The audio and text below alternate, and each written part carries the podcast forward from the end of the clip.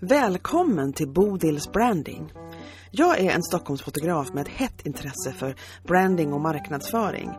Här intervjuar jag både experter på sånt och andra olika sorters entreprenörer. Några etablerade och andra helt färska. Meningen är att du som inte är expert ska kunna lära dig någonting som du kan ha nytta av och även spegla dig i andras berättelser. Jag är så glad att du är här och följer med mig på den här resan. Jag heter Bodil, jag är fotograf och brandingentusiast på upptäcktsfärd.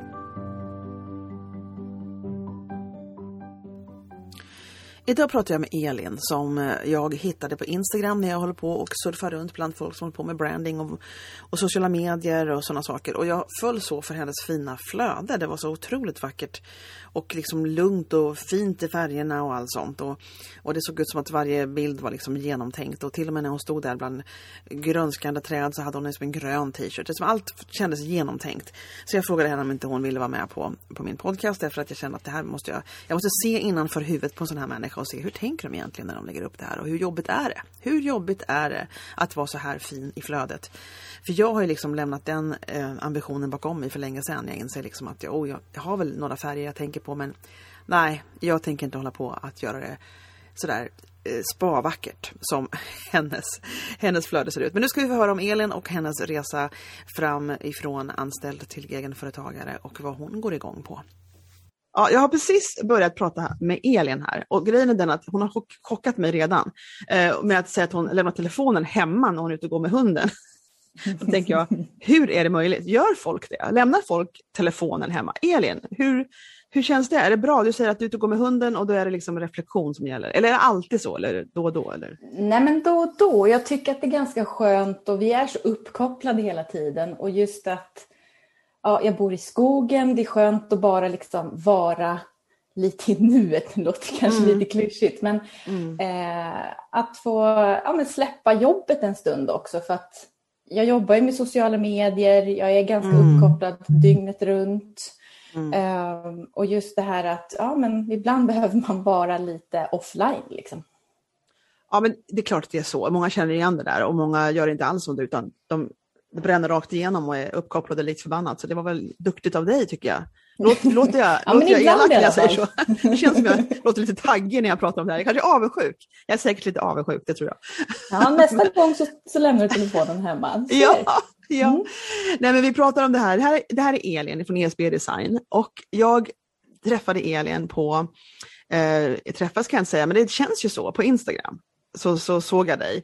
Och det var, det var några gånger sedan och jag är ju ganska liksom ny i, i att vara, eh, att vara officiell på brand, i brandingvärlden. Så att jag har liksom verkligen haft en tid av att, att utforska och, och, och, söka efter människor som jobbar inom sociala medier och jobbar inom branding. Och då så blev jag så kär i ditt flöde, för du har ett sånt här vackert flöde som, som jag har bestämt mig för att det går inte, så jag kommer inte kunna ha ett sånt flöde.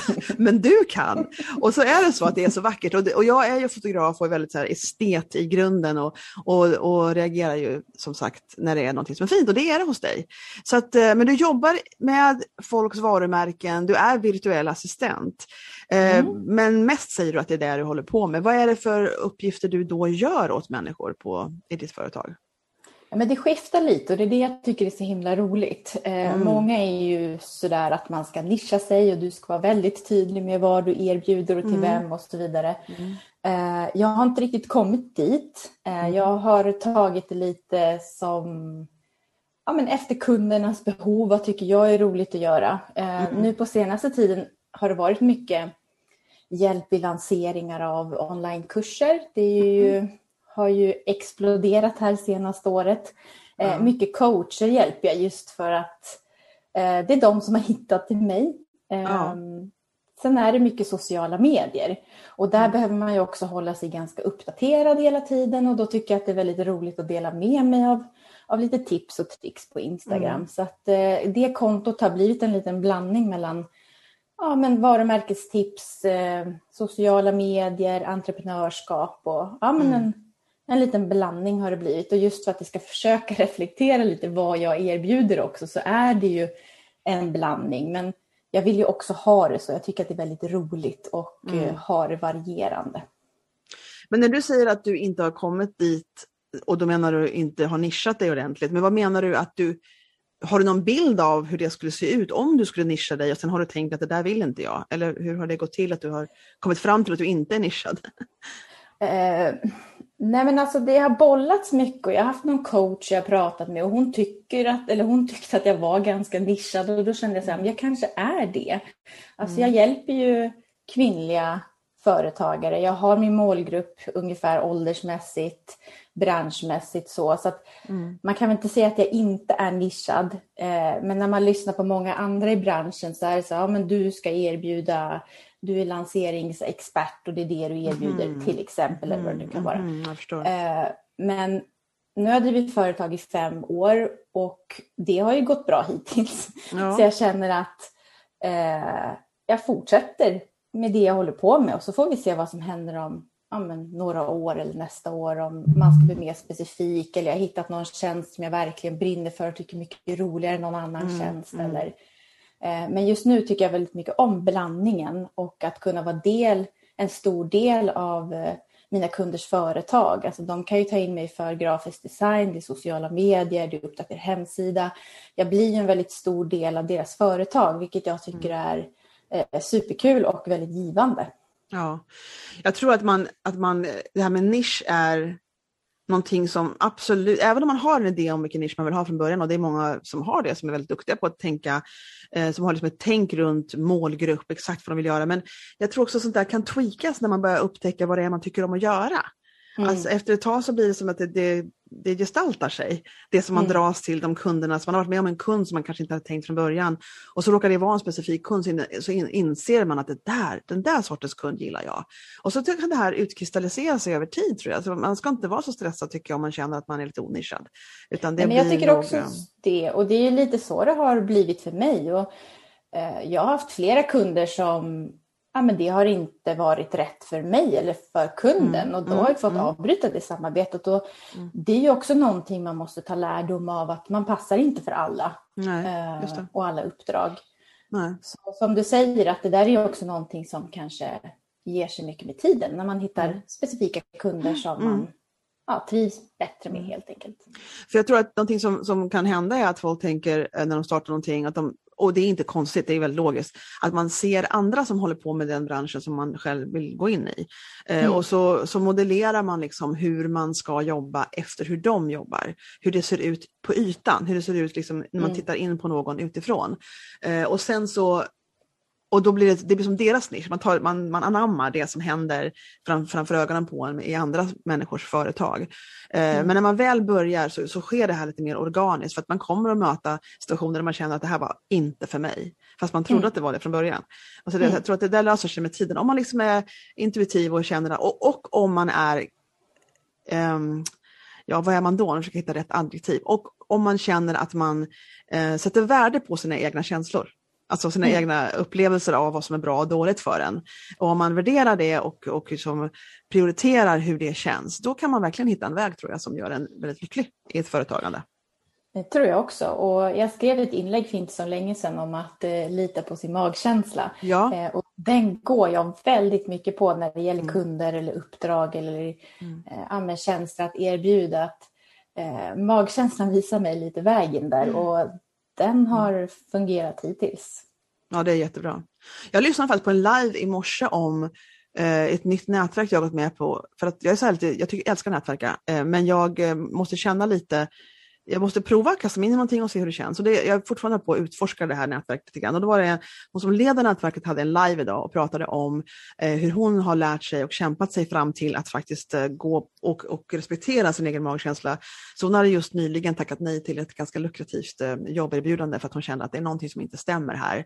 Eh, mm. Man har haft några möten med samma arbetsgivare och kände att det liksom skiftade i vad de hur de porträtterade jobbet. Och det var säkert fler komponenter där, men jag respekterade verkligen det hon sa då, att det här var om man bara kollar på pengarna så kan man hamna i fel ställen ganska ofta, om man inte lyssnar mm. på hur det känns. Och det antar jag att du ja, har varit med om också. Ja, men absolut. Och det tror jag är ganska vanligt för ja, nystartade företag, mm. att man ser mest pengarna och kanske inte eh, helheten. Eller som du mm. säger, att man, man litar på magkänslan. För att det handlar inte bara om pengar att driva företag. Mm. Självklart är det en väldigt stor del och det är därför vi kanske driver eget också. Men, Men just att det är ju verkligen inte allt. Eh, så ibland behöver man ju backa ett steg. Jag tror att det är inte allt, men framförallt så måste man förstå liksom att det går att göra pengar på sånt som gör en lycklig. Det tror jag är en, en sanning som, får, som folk har svårt att förstå. Eh, det, det, pengar, om, peng, om bara tjäna pengar styr, då, då, och man inte respekterar det som faktiskt gör en lycklig, så, kan det gå, så blir man olycklig. Så enkelt är det helt enkelt. Ja. Ja. ja. ja. Men hörru du, eftersom du, vi kan gå tillbaka till det här med vad du, din, din, ditt varumärke och ditt brand och hur, hur du liksom port, eh, eller hur du porträtterar dig själv. För det är extremt estetiskt tilltalande och milda färger och man mår liksom, det är som en liten så här spa-upplevelse att komma till ditt Instagramkonto. Ja, men vad roligt att höra. Ja, ja, du tycker det. Ja, vad roligt. Jag tycker ja. att jag bara, oh my gosh, där står hon i sin fina gröna tröja bland det gröna. Oj, vad fint det blev. Och då tänker jag, liksom, vad är din bakgrund och hur, hur kommer det sig att du vet hur man gör det här? Vad, vad, hur började du och hur lärde du dig från början? Um, jag tror att jag går på lite egen känsla väldigt mycket. Uh, jag har tagit lite onlinekurser i grafisk design, mm. uh, kollar mycket Youtube-videos, mm. tar efter av vad många andra i inte tar efter utan inspireras av vad många andra i branschen gör. Ja. Uh, och sen, det tog ett tag innan jag hittade min stil, min, mina färger. Um, Går man tillbaka långt bak i mitt flöde så ser man att det är ett helt annat flöde, det är andra färger. Mm. Uh, men jag kände ganska snabbt att det var inte jag. Uh, jag tycker att mitt företag ska ju ändå reflektera mig. Gud ja, absolut jag är ganska... Eh, jag är inte så färgglad. Som du ser, här sitter jag i en svart tröja. Mm. eh, nej, men det är mycket, mycket lugna färger. Eh, ja, jag är inte så, så skrikig skulle man väl kunna säga i färgval och då kände jag att det här behöver ju verkligen reflektera mig. Uh, och just när det kommer till Instagram så var jag så här, men det är ju ett visuell, en visuell plattform och jag tycker att det är väldigt härligt och inspirerande med fina bilder. Eh, när jag började följa konton på Instagram så var det verkligen så att jag, jag kollade verkligen på flödet. Är det här någon som har lagt ner tid och engagemang och, och en tanke bakom? Eh, tänker de till när de tar sina foton eller lägger upp sina foton? Eh, och ja, Jag vill att man ska få den känslan när man kommer in till mig att här finns det en tanke bakom, mm. man har lagt ner tid, det är seriöst mm. och eh, det återspeglar eh, företagaren. Så, Absolut, alltså det är ja, så himla det är mycket, mycket känsla har det gått på. Ja, jag förstår, men har, och du har verkligen tagit det på allvar, hur du liksom, um, eller det här var, en, det var ditt sätt att presentera ditt företag. Du, Mm. Nu, ramlade, nu ramlade saker omkring mig här. Du, det var, eh, du har verkligen känt liksom att här ska jag lägga ner tid. Du bestämde dig för att det här är en av mina arbetsuppgifter. Jag ska lägga ner tid på att designa första anblicken av mitt företag. På, på, du ju, har ju andra kanaler, men på Instagram så har du tänkt till och du tar det på allvar. Liksom. Och det respekterar jag så extremt mycket. För att det, för jag, det finns ett annat konto som jag känner till. För om, man, om man backar bandet ännu mer, jag märker när jag lyssnar på mina samtal att jag ibland tänker någonting och så startar jag en resonemang och så inser jag att jag har glömt att berätta vad det är jag tänker. Det är intressant att lyssna på mina, min podcast, man får verkligen försöka hänga med så gott det går. Eh, jo men det finns liksom, eh, för, för länge sedan så på Instagram så var det mycket så att det var extremt, extremt viktigt med flödet. Jag säger inte att det inte är det nu, men jag tror att det är främst viktigt när man liksom först upptäcker en människa, då tittar man mycket på deras sammanlagda flöde. Men sen när man mm. väl följer dem så ser man bara en bild i taget i mm. sitt eget flöde. Å andra mm. sidan, om det då är konsistent som det är hos dig, med samma mm. färger, samma känsla, så blir det bra i alla fall. Men en del var ju så här extremt um, det var väldigt viktigt hur din vägg, om man säger, såg ut. Mm. Det var som det var magasinet, där måste du liksom. Eh, det, det, är inte lika viktigt längre när det gäller, när det gäller liksom hur du uppfattas, men det är ju när det är bra som det är hos dig Elin, så är det som att man går, oh my goodness, så här var det fint. Så det, det finns ju en känsla som det liksom frammanar. Så jag, jag, säger att om det här är någonting som man går igång på så är det ju extremt effektivt. Alltså. Ja, men alltså, och sen som sagt, det finns ju liksom inget rätt och fel. Och jag tycker bara mm. att det är mm. viktigt att det ska återspegla, som jag säger tusen gånger här, men återspegla ja. personen.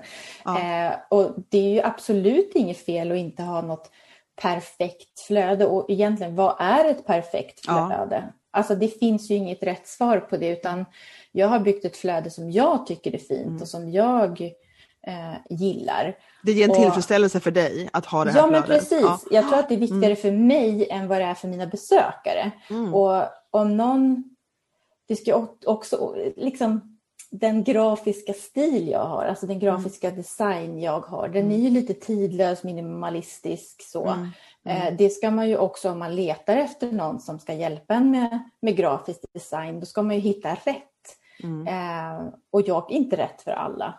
Eh, och där ja, det är förstår det sådär att jag vill ändå att det ska åt, alltså man ska se det i mitt flöde, att det här är den typen av ja. Eh, design hon jobbar med.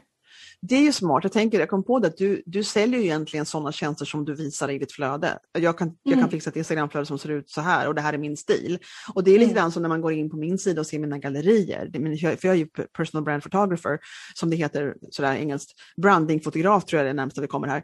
Eh, och då och då ser man mina bilder helt enkelt. Då ser man, ja det här är så hon fotar, så här så kommer människorna att se ut. Och, och ja, det, är det är ditt man, portfolio, man, det är det ja.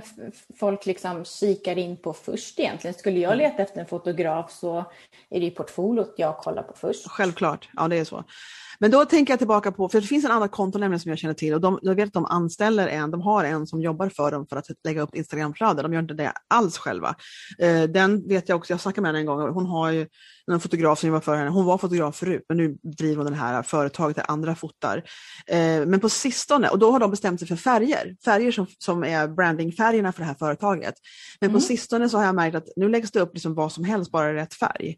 Eh, det var som häromdagen var det en tulpan och sen var det så här, och det, och det är en bransch som inte har att göra med blommor. Det behöver det inte vara, man kan ha vilka bilder som helst. Men det är som att till slut blir det som att det blir ingenting i texten som relaterar heller, utan nu kör vi, det är som att den främsta drivkraften i vilka bilder som läggs upp är att det är rätt färg. Och mm. inte ens i texten så reflekterar det liksom vad de är ute efter som företag. Och det, då tycker jag att det blir fel, det blir obalans i, i liksom flödet på något sätt. Ja men det håller jag helt med på. Alltså för att det ska också finnas en, tank, en helhet. Det är mm. inte bara en bild. Sen Nej. kan det vara supersvårt att hitta bilder som matchar ens flöde eller matchar ens text till bilden och så mm. vidare. Så att mm. hos mig är det inte heller alltid liksom perfekt kombination Nej. där. För att, och där kan det bli så att jag tänker lite för mycket på flödet också istället. Att mm. mm. Eh, det ska vara liksom ja, jag har ju blivit låst några gånger när jag har en text men jag hittar ingen bild som passar ja. in i flödet och då struntar ja, jag, publicera det. Så alltså. Det är inte bara positivt. men, men det blir också helt fel om, eh, som den här som du pratar om, Alltså de tappar ju helheten där då mm. låter det som. Mm. Jag tänker att om man är i den situationen som du just berättade om, som säkert flera har varit med om som jobbar i din bransch, och människor som, som publicerar själva, att jag fick en sån här blixtinfall, kan man inte då bara ta de här äh, generiska bilderna som bara typ är som ett fält men i rätt färg, om texten är bra? Jo, och sen beror det lite på vad du har för konto också, vad du vill förmedla. Mm. Um, jag har ju liksom, det är inte mycket bilder som jag inte känner att jag inte kan publicera nej, okay. utan det är ju mm. någon gång ibland sådär när man bara okay. säger nej nu, nu är jag lite för petig. Liksom. Jag förstår. Eh, och det är inte heller bra att det blir så för att oftast är det bättre ändå att få ut inlägget. Ja, det, det, det kan jag inte hålla med om. För man vill som, som mottagare och som den som följer någon så vill man ju bara ha grejer. liksom ja men lite så. Alltså, ja.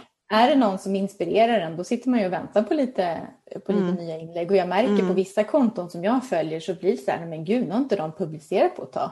Ja. Har det hänt någonting? Ja, eller hur? Eller hur? Ja, ja, lite det där, det där är intressant. När man, verkligen följer någon så, så är det faktiskt så. Jag, jag, eh, och så beroende på när de publicerar, för jag, har, jag följer eh, Jenny Perssons Solenum eh, mm. och hon varje morgon smack så är det, det första jag ser på Instagram när jag tar upp telefonen, typ i sängen. Det är helt galet. Jag vaknar och så tar jag telefonen, det är något fel på mig.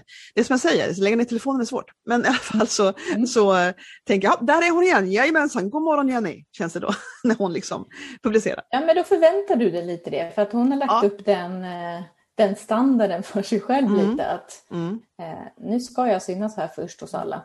Mm. Men nu tycker jag vi ska gå tillbaka med dig lite grann då. lite mer, ännu mer. Eh, för du berättade lite grann om att från början så var det andra färger, det känns inte som du, så vi har lite av en uppfattning nu om hur du utvecklade den stil och den, den varumärke som du har nu. Eh, mm. men, eh, och du har bilder på dig själv i ditt varumärke, har du en fotograf som du jobbar med? Ja, ibland. Just det. Eh, har du fått den här fina bilden till på dig bland träden? Eh, har du, vad, hur gör du för att fixa bilder till ditt flöde? Ja, men det är lite olika. Eh, mm. Jag har en eh, kollega som heter Mia Levell, ja. hon är superduktig fotograf. Ja. Eh, hon har fått hjälpa mig några gånger med bilder. Mm. Just den bilden du pratar om, det är en tjej som heter Amanda som har tagit, hon är också ja. fotograf. Mm. Båda är här i Norrtälje där jag bor mm. så att de har också lite koll på jag är bekant med Mia. Jag har träffat alltså. Mia flera gånger. Mm. Ja, trevligt. Mm. Ja. Eh, nej men och sen tar jag mycket bilder själv. Eh, och hur gör du då? då? Stativ och... Mobilen eller annan? Ja, men kör du? Eh, nej, jag har, jag har systemkamera ja. så att det mm. blir eh, oftast den. Det kan ju vara mobil också men där tror jag nog inte att det blir till flödet. Jag tycker inte att min mobil är tillräckligt. Alltså jag har en lite äldre iPhone. Så jag hade en sexa i flera år kan jag säga. Jag hade en iPhone 6 alldeles för länge. och så precis uppgraderat till en 11 och är så här, nästan till kär i min telefon just nu. ja, men jag ser att många tar superfina bilder med sina telefoner. Alltså. Ja, jag, jag, är ja. inte riktigt där än, men det Nej. kommer. Men jag har en systemkamera så den ja. eh, kastar jag upp på stativ och eh, ja, fotar mm. ibland. Eh, men när jag har möjlighet så tar jag gärna hjälp av en fotograf. Men mm. Eh, det är också en det kan ju vara en stor investering också mm. så det blir inte jätteofta kanske. Nej. Nej precis, det där kan man ju se, man kan ju göra en prenumeration på att betala per månad. Det, det finns ju för det finns ju mycket porträttfotografer i Sverige och, och jätte, mm. jätteduktiga. Men den här äh, genren, den här brandingfotograferingen, man ska ha det till sociala medier och det är meningen att man ska mm. försöka porträttera ett brand. Det är inte så vanligt att folk marknadsför sig som det. Men det finns några stycken som gör det. Och, ja, det eh, finns och då några stycken. Mm. Och det är inte, som du säger, det är inte jättemånga och jag har letat efter det också. För att mm. Mm. Jag tror att det också kommer växa lite. Ja, ibland så är tekniken som den är, så blev vi helt avbrutna. Plötsligt var det ingen ljud, så vi provar igen. Och vi höll på och pratade om, om fotografer och hur du gör. För jag, jag funderade på när du berättade att ibland har du fotografer du anställer och ibland så är det att du använder mobilen.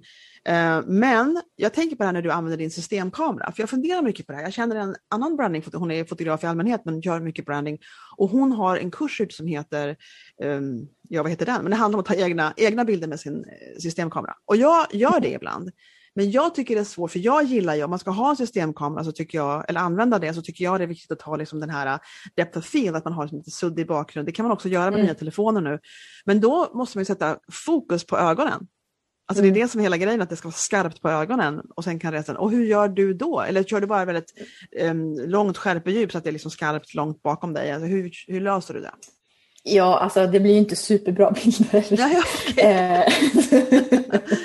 men selfies med så... systemkamera är svårt. ja. ja. men det är svårt. Och sen just som du säger att hitta rätt eh, punkt för fokus. Mm. Eh, och står den en bit ifrån och du ska ställa in när du inte sitter där. Mm. Alltså det är supersvårt. Det går ju typ inte. Det går ju typ eh. inte, nej. Precis. Om man inte gör ett väldigt djupt skärpedjup på 4,5 och sådär. På, ja, på men och lite, ja, och där har jag fått testa mig fram lite. Eh, mm vad som har bldigt bra och sen blir det så jag får ju redigera i efterhand. Liksom. Ah, okay. så att, nej, det är ju absolut inte perfekt men eh, det är ett sätt som är billigt. Ah. eh, och ah.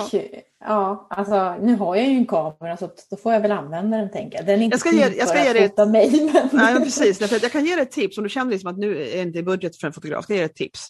Det jag gör när jag mm. gör det för mig för att det som händer med, det är det som är grejen, för det, det, jag blir så förvånad när hon hade den här kursen, för jag tänker antingen har man jätte, det helt, ni som inte håller på att fota vet inte vad jag pratar om just nu, men det handlar alltså om att man kan ställa in kameran på ansiktet och sen kan man se till att även om man flyttar sig så blir det skarpt likt förbannat. Man kan ställa in en kamera så, mm. så det är skarpt på mm. längden, ganska mycket längre än bara just där dina ögon är. Det kan man ställa in på en kamera. Mm. Men då blir det inte lika snyggt. Då blir allting skarpt hela vägen. Mm. Och det som är mm. snyggt är att man har det skarpt i ansiktet och man måste ha skarpa ögon och så suddigt bakom. Det, är det, som, det blir lite vackert då. Liksom. Beroende mm. på vilken funktion bilden har förstås. Men porträtt ser det mm. fint på. Eh, och då vill jag påstå att om man ska ha den, den liksom, effekten så är det i princip omöjligt att bara ställa in kameran och sen hoppas på det bästa och ställa sig på en plats. För det går liksom inte om man ska ha den effekten. Men jag har ett tips. Spännande! Ja, det jag gör, för jag fotar mig själv ibland. Då tar man, om man har ett extra stativ, om man inte har det kan man köpa ett. Ett vanligt stativ att hålla upp en kamera på. Eller något så här. Då sätter man någon slags eh, någonting som, in, som någon boll eller någonting som är lite större, något klumpaktigt, så tejpar man fast den längst upp på det här stativet. Så hissar man upp stativet så den här klumpen som är stor nog så man kan fokusera på den med kameran är precis vid ens öga, alltså i samma, i samma, precis bredvid ögat. Man ställer sig bredvid stativet. Ställer det där med den här, vad man nu har valt att sätta på toppen. Sen går man till kameran och fokuserar på den här grejen. Mm. Och sen låser man fokus på kameran och sen kan man, och så sätter man förstås på självutlösare och då brukar jag göra 20 sekunder för annars hinner jag aldrig med. Och Mm. sen så, och sen så, då när man står där och har den precis vid ögat igen, då bara tar man den och så sätter man ut den ur bild och står kvar där man var. Och sen brukar jag sätta på flera exponeringar så att det liksom klickar flera gånger och sen så väljer man den bilden man in. så snyggast ut på. Det kan du göra nästa gång, Elin. Ja men smart, absolut. Ja, ja. Sen är det ju sådär att jag har ju också en liten fjärrkontroll. Alltså där jag kan klicka så jag behöver inte köra Ja, självutlösaren ja, men det är ju också bra. Ja, det gör jag alltid själv. Eh, Så det är också smidigt. Men eh, ja, Just det det fokuset. ja, det är knepigt med det fokuset. Det är absolut, det där ska jag ta med mig. Mm. Ja, testa Måste skaffa ett till, till stativ då. Ja, måste du göra. Mm. Men, men så berätta igen nu då som sagt, när du började, nu snöar vi in på fotografering och det är inte så konstigt eftersom det är det jag håller på med. Men det är inte det som podcasten mest är till för, jag vill verkligen att folk ska dels få höra andras berättelser. Så när du började, för det sa fem år har du haft företaget, det innebär att du hade ett liv innan företaget. Så hur kom det sig att du började liksom med ditt företag? Hur var den historien där i början? Nej, men jag har nog alltid velat driva företag, eller rättare sagt jag har alltid velat vara egen. Ehm, har jobbat väldigt mycket, väldigt hårt, så man kan nog inte säga att jag hade något liv innan heller. Mm. Eh, jag har varit i hotell och restaurangbranschen. Mm. Du är aldrig ledig, du jobbar alltid kvällar, alltid helger, det är slitsamt, det är 16 timmars eh, pass.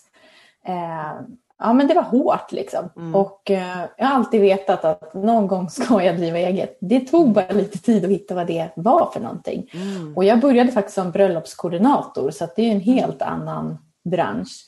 Mm. Ehm, och det började jag med efter att jag hade utbildat mig till event och mötesproducent så det gick ju liksom lite hand i hand.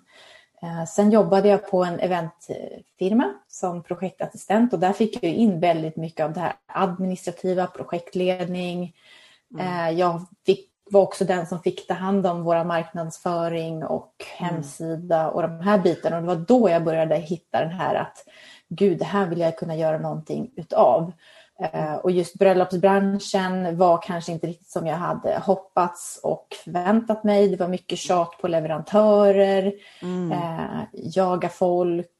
Alltså brudparen var ju, många säger sådär, ja bridezilla och att det är brudparen som är jobbiga. Men nej, jag tyckte att det var ja, men, Leverantörerna. leverantörerna. Ja. Men när de satte dig på den här marknads... Nu skulle du marknadsföra oss, hur, kom det sig? Liksom? Hade du gjort sånt eller hade de ingen annan eller vad hände där? Nej, eh, det var nog så att det fanns ingen annan. Nej. Eh, Det var ett ganska litet företag eh, men vi jobbade med väldigt stora kunder så det var ju Ja. myndigheter och upphandlingar och Oj. eh, ja, men stora kunder, stora event. Vi hade ju event med en kund som ändå hade 12 000 anställda så det var Ja, ju wow. liksom vi har ju åkt runt på ja, men, de alla stora arenorna i, i Sverige och haft event och där var det ju mycket att jag fick ha hand om all logistik. Det var reseplanering, alla som ska ha specialkost, det ska fungera. Så Ja, det var väldigt mycket logistikplanering. Men jag förstår, Eh, din, men- din, jag förstår fortfarande inte bara hur de tänkte att hon passar nog bra som Ja, marknadsförare. nej, vad men hände? det, jag, jag kommer dit. Ja, okej, du ser. Eh, nej, men det var just det där en dag att eh, jag började få upp ögonen för sociala medier och tyckte det var superkul att sitta och läsa på på fritiden. Liksom. Mhm. Och eh, ja, kollade Youtube-videos, hittade någon liten onlinekurs och bara gud, det här är superkul. Så, så ja, ramlade jag liksom in på att företaget hade idag ingen marknadsföring för det gick i princip bara på personliga kontakter eh, Ah. och upphandlingar så att de behövde liksom inte riktigt det. Men de ville expandera och vi behövde synas eh, på lite fler ställen. Så att Mm. ja, det blev så att jag fick ta hand om den biten och sen ville vi flytta hemsidan och då sa vi det att nej men det där kan nog jag fixa. Så att eh, Ja. ja. eh, Så det var ditt eget in intresse, det var du som gjorde det här på fritiden och sen så nämnde du det på, du, det förstår jag, du började följa konton och inse vad ni inte hade i det företaget Mm. som du var i. Och så sa du Mm. till någon människa att det här kan jag fixa. Var det så? Ja, men lite så. Och sen eh, eh, var det ändå jag som var med på plats överallt. Det var ändå jag som fotade allting eh, mm. på våra event och så vidare. Så det var mm. liksom en låg, eller ja, det, det logiskt och enkelt för mig att bara eh, ta hand om den biten. Ja, men nu förstår jag mera övergången ja. till det du håller på med. Ja. Och sen så kom det en dag när du kände att nej, men nu vill inte jag jobba för någon annan människa längre. Nu ska jag jobba för mig själv. Hur var det då? Eller varför ja, blev det nej, så? Men jag, jag hade eget liksom vid sidan av eh, mm. i början. Och eh, det var ju ändå trygghet för mig också att ha den här anställningen eh, mm. på eventfirman. Det gav ju mig en ekonomisk trygghet Eh, och sen så på min fritid så kunde jag bygga upp mitt företag och driva det. Sen valde ägaren till företaget att nej, nu, nu ska jag lägga ner. Jag vill inte, vill inte driva företag mer. Och då hade hon gjort det i 25 år, jobbat dygnet runt eh, och har varit väldigt framgångsrik och väldigt etablerad i branschen. Och hon bara, nej men nu, nu vill jag inte mer. Liksom. Eh, så då sa hon, nu ska jag lägga ner så att ni vet det. Om ett halvår är det dags. Och då var jag så här, nu, nu lägger jag in gasen här. Och ja. Eh, när, hon, när hon lägger ner sen och inte behöver ha min hjälp, då, eh, då ska jag vara egen på heltid. Så det var liksom en smidig övergång där också. Det var inte, alltså jag, jag vart av med mitt jobb men men det var en bra överfas, överlappning liksom av att fortfarande Ja, men precis. Och att, att du visste det innan. Naturligt. Och du hade redan, då har du redan varit igång också, så det är bara det. Du hade ju en extremt bra väg framåt mot företagande, måste man ju ändå säga. Ja men verkligen och det var ja. ju super, eh, nej men det var, det var bra helt enkelt. Kul. Ja. Du sa att du, att du följer, i och med att du har liksom arbetat fram ett flöde som du är stolt över och mår bra av att se själv, vilket är fantastiskt, så är det ju så att du har ju då förebilder säkert och sådana som inspirerar dig och som du har liksom känner att du säkert vill dela med dig av till oss, eller hur? Ja men verkligen. Alltså, jag tycker att Instagram handlar om att inspireras och att eh, lära sig av andra och ja, men få ta del av andras liv och företag. Mm. Jag tycker det är superkul. Jag är inte främst på Instagram egentligen för att Alltså jag är inte där för att sälja, alltså jag är där för att inspireras. Mm. Eh, så det finns nog ganska många konton. Eh, många skulle jag säga är engelska. Mm. Vi har Eloise bland annat. Eh, en, hon har ett ganska stort konto. Hon är superduktig. Hon är väldigt duktig på reels. Ja. Eh, så att, eh, Eloise, heter kontot Eloise? Eloise Smith mm. heter hon. Mm. Eh, sen har vi ju mycket fotografer som jag följer för det tycker jag är superkul med bilder. Ja. eh, och där har vi, Jen, vad heter hon då? Eh, eh, fotograf Jennifer Nilsson. Ja. Eh, sen har vi Photo by Gabriella, tycker jag också är superhärlig att, följa. Eh, mycket branding så har vi Malin Hammar Blomvall som jag tycker har superbra content. Hon har extremt fint flöde också. Ja men precis, henne mm. kan man absolut inspireras av. Mm. Eh, sen är det en som jag hittade för ganska nyligen som är superduktig på Instagram och ger jättemycket tips där. Eh, och det är blackenfjäll.se mm. heter hon på Instagram. Eh, så där är i alla fall några som jag tycker är, eh, ja, men är väldigt duktiga och eh, man blir ja, men inspirerad utav. Ja, jättekul. Jätteroligt att samla tips så att man, de som lyssnar kan liksom gå och inspireras också. Jag tycker det är väldigt roligt. Och, mm. och, och sådär. Men har, du någon, har det varit så här när du har företag och du jobbar hemifrån, men har, har du alltid, ja det gör du hela tiden förstås, då. du är virtuell mm. assistent och du sitter hemma hos dig. Mm. Har du haft några, finns det någonting som du känner att du föreställde dig innan som inte blev som du hade trott? Innan du började jobba heltid som egenföretagare? Eh, jag, vet, jag hade nog inte så mycket föreställningar, eller, alltså förväntningar så. Uh, alltså det var nog, jag trodde nog att det skulle vara ensammare än vad det är. Mm. Uh, nu är jag inte så... Uh, alltså jag tycker att det är ganska skönt att vara själv. Jag ser inget mm. behov av att åka till ett kontor och träffa folk. Jag hade nog tyckt att det var jobbigt. Mm. Så för mig passar det superbra att sitta själv hemma. Mm. Eh, men jag hör många kompis, eller alltså många av mina vänner som är såhär, men gud blir du inte ensam eller tycker du inte att det är tråkigt? Liksom. Mm. Men alltså mina dagar går ju i ett. Eh, ja. Så jag hinner inte riktigt reflektera över det. Eh, sen är jag också med i några nätverk, vilket gör att man får ju lite sådär kollegor och man kan mm. bolla lite saker och man får lite utbyten.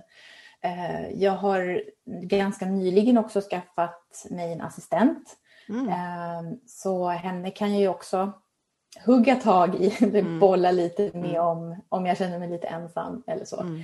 Eh, men det trodde jag eh, innan jag startade att det kommer bli, bli trist, liksom inte ha kollegor på det sättet. För innan ja. på eventfilmen så satt jag också mycket och jobbade hemifrån. Men då pratade man ändå mycket med, med sina kollegor och man hade ja. alltid folk att ringa och så. Nu är det ju inte riktigt så.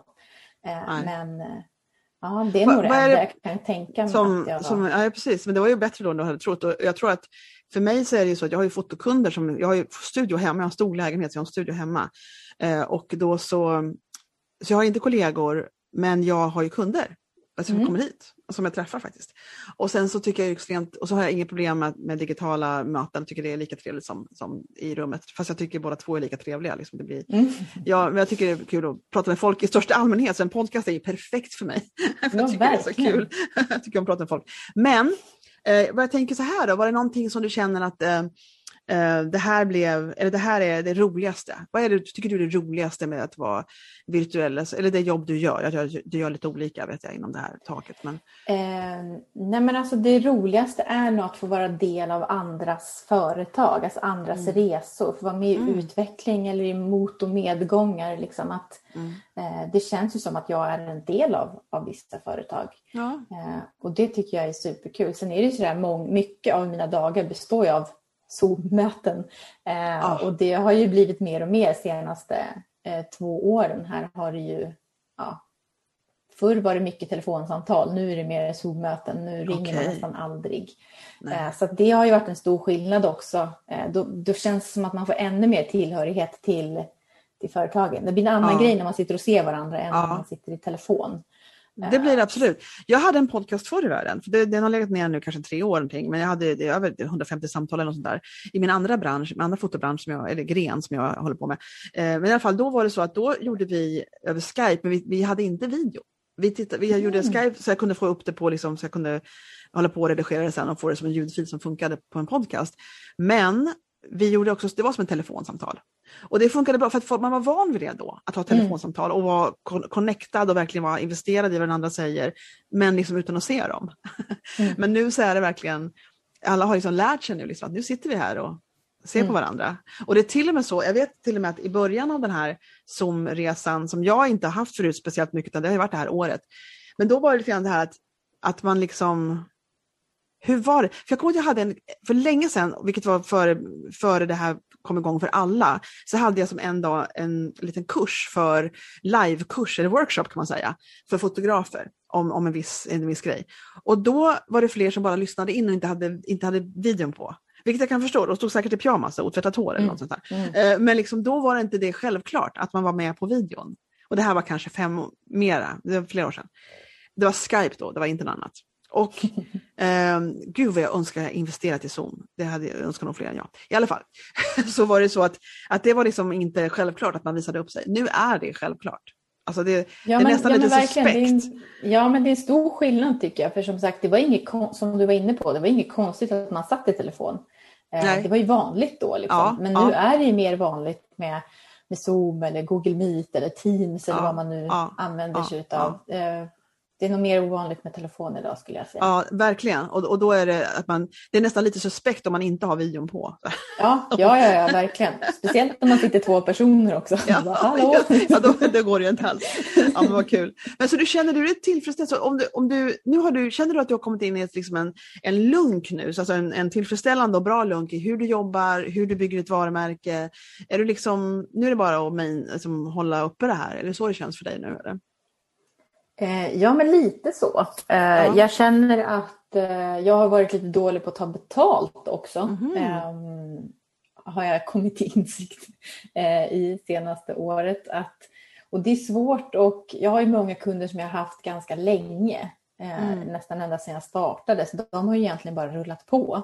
Ja. Och de kunderna kan jag inte riktigt, eller har jag väldigt svårt att höja mina priser för. för att, ja, det är svårt tycker jag. Och... Du har inte ens höjt priserna lite varje år sådär? Nej.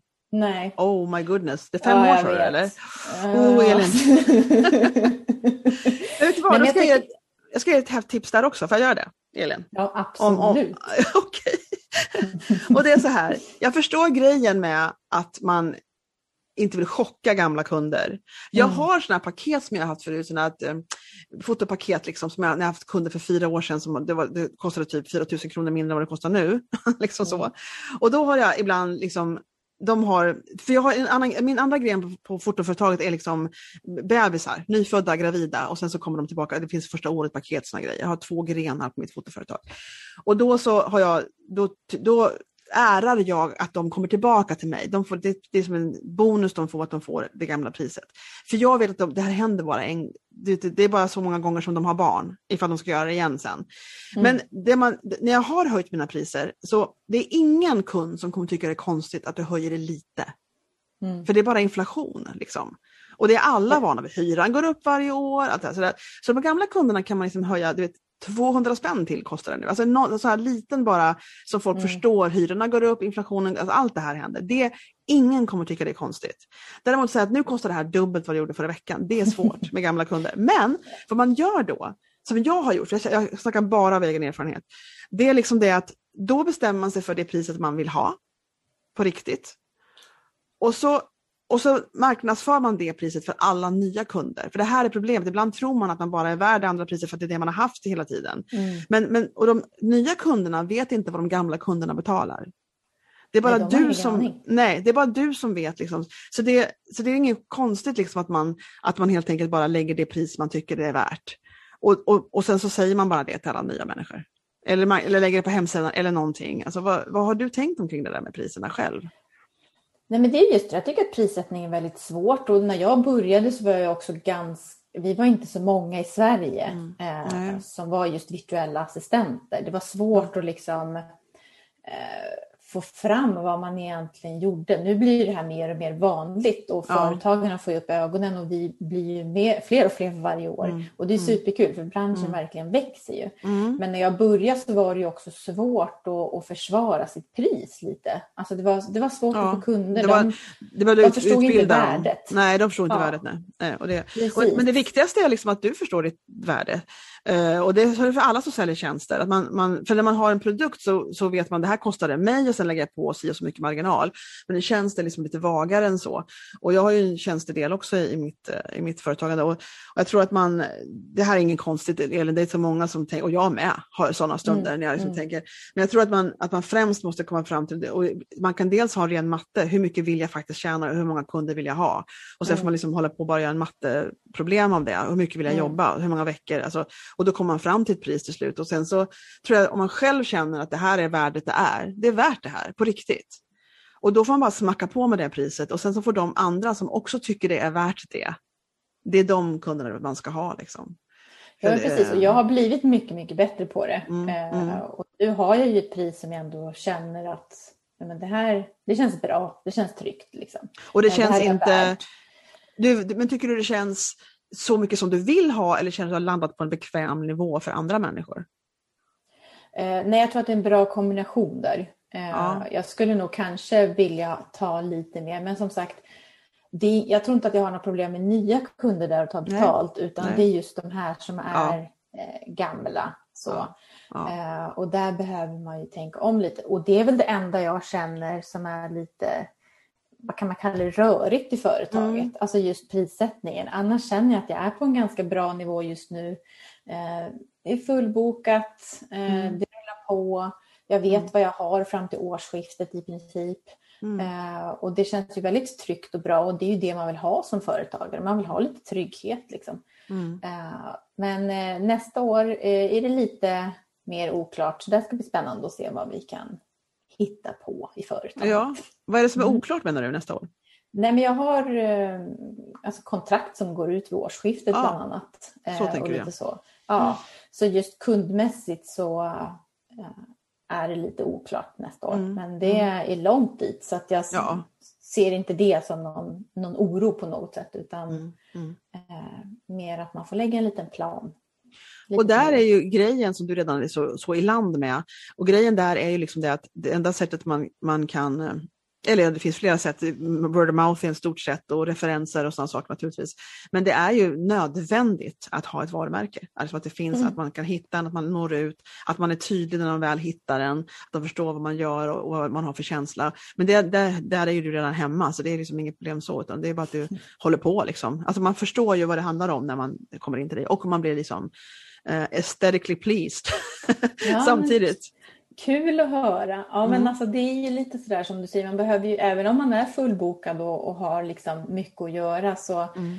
kan man ju inte låta allt annat läggas på vänt. Du behöver fortfarande Nej. bygga ditt varumärke hela tiden för att du vet ju inte riktigt vad som händer i framtiden eller Nej. kunder kan försvinna eller de kan säga Absolut. upp avtal och så vidare. Så att även om du nu är fullbokad så behöver du ju fortfarande hela tiden jobba på ditt varumärke ja. och och synas utåt. Liksom. Så, så är det absolut och det, det, är bara, och det tar tid att, bygga upp det rutiner. Man får ihärdigt hålla på helt enkelt. Man är, liksom aldrig, man är aldrig framme utan man måste liksom bara hålla på och hålla på och hålla på. Och jag, jag tror det handlar lärt... mycket om att inte ge upp också. Alltså... Ja, extremt mycket handlar om det. Extremt mm. mycket. Det, jag tror att de säger den som, den som håller ut vinner. liksom. Den ja, som bara håller på. Ja.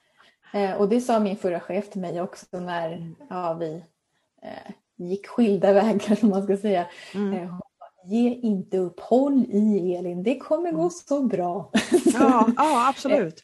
Eh, eh, och det där har jag med mig just när det har varit lite, ja men när corona slog till då fick jag en riktig törn förra mm. året. Mm. Så förra sommaren då var det tufft men det har ju vänt väldigt fort för mig så det är jag superglad mm. för. Men mm.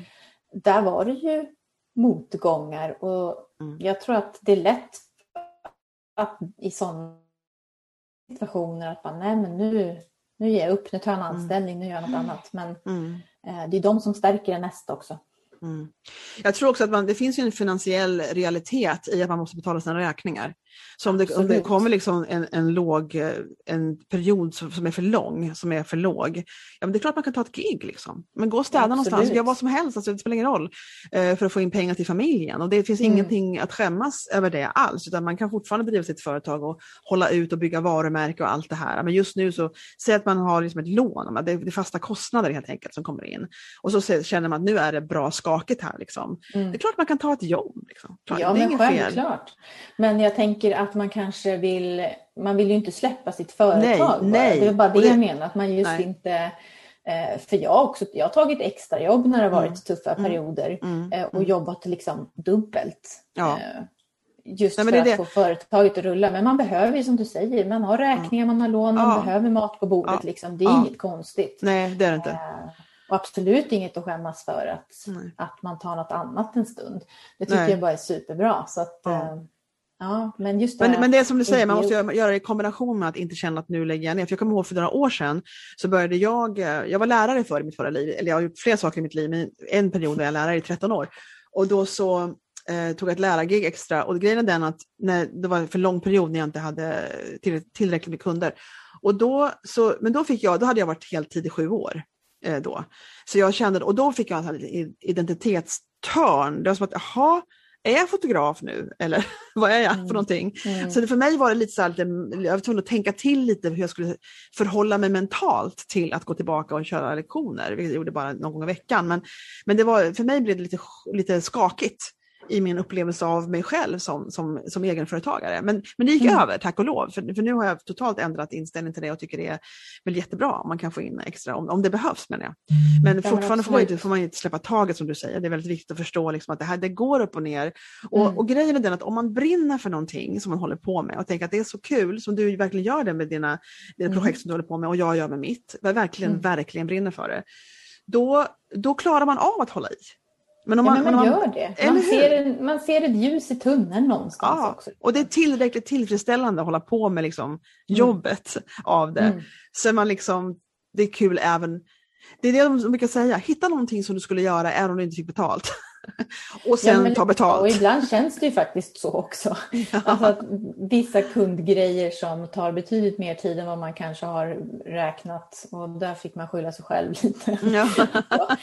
Nej men så kan det också vara. Men, och just nu när vi har haft en pandemi så tror jag att det är många som har haft det väldigt tufft. Och mm. Jag har hört om fotografer som har hoppat in och gjort andra eh, ja, men, grejer mm. under mm. perioder just för mm. att ja, men, överleva mm. månaderna. Ja, att... Man gör vad man kan, bara man liksom, ja. för, så familjen måste ha pengar.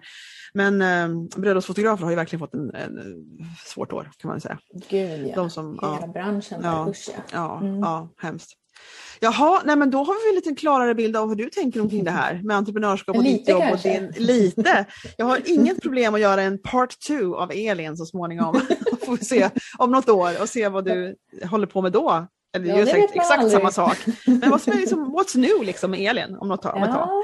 Och sen tänker jag så här också, jag har sagt det flera gånger eh, i intervjuer jag haft som inte är publicerade än, men att jag är lite, lite intresserad av att när jag samlat ihop nog med folk och nog med intervjuer att återkomma om ett speciellt tema.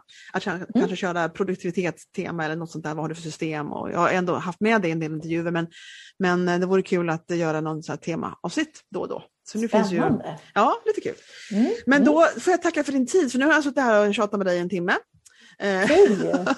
Och, ja, det var jätte, jätteroligt och jättekul att se dig live och, och få prata med dig. Som att vi känner varandra nästan. Ja, men det är ju så när man hittar folk på Instagram. Det känns som att man känner varandra. Ja, lite grann. Ska du berätta så här slutligen exakt vad alla dina konton heter eller vart de hittar dig? Ta rab, rabbla upp nu vart du finns. Och, ja. Nej, men egentligen kort och gott där vi lägger mest krut eh, är eh, våra Instagram-kanaler och det finns två stycken och då har vi ESB Design som eh, ja, men är mitt grundföretag. Och sen så har vi ESB Academy som är ett litet ben i mitt företag där det ja, händer mycket spännande grejer. Uh. Så Instagram och uh, ja, ESB, ESB Design och ESB Academy. Academy. Jag har inte upptäckt din Academy än. Det hade du kunnat Nej. nämna tidigare tycker jag Elin, ja, så hade vi kunnat spännande. prata om det. Men, men då, får det bli, då får det bli uppföljningssamtalet. Ja, men det finns så mycket att prata om. Så behöver... Ja, det gör det. Jag vet, man kan hålla på i ja. evighet. Det är bara... Men ingen orkar lyssna i evighet, så vi får ge oss nu. Sådär. Men då tackar jag jättemycket för den här timmen och sen så hörs vi igen. Vi ses och pratar igen. Tack! Tack själv! Trevligt! Ja, kära någon, alltså jag minns när jag började den här podcasten, eller innan jag började intervjua, då hade jag tänkt mig att jag skulle prata med folk sådär en halvtimme, 40 minuter. Och det drar alltid iväg mot en timme och till och med över ibland. Och det, är, det går inte att göra någonting åt. Jag tycker det är så roligt. Så jag tackar Elin igen. Det var jätte, jätteroligt att hon ville vara med. Och jag vet att du vet nu vart du hittar henne. Eh, och vill du hitta mig så finns jag på, eh, på webben på brandingyou.se och så finns jag, ibland glömmer man vart man finns.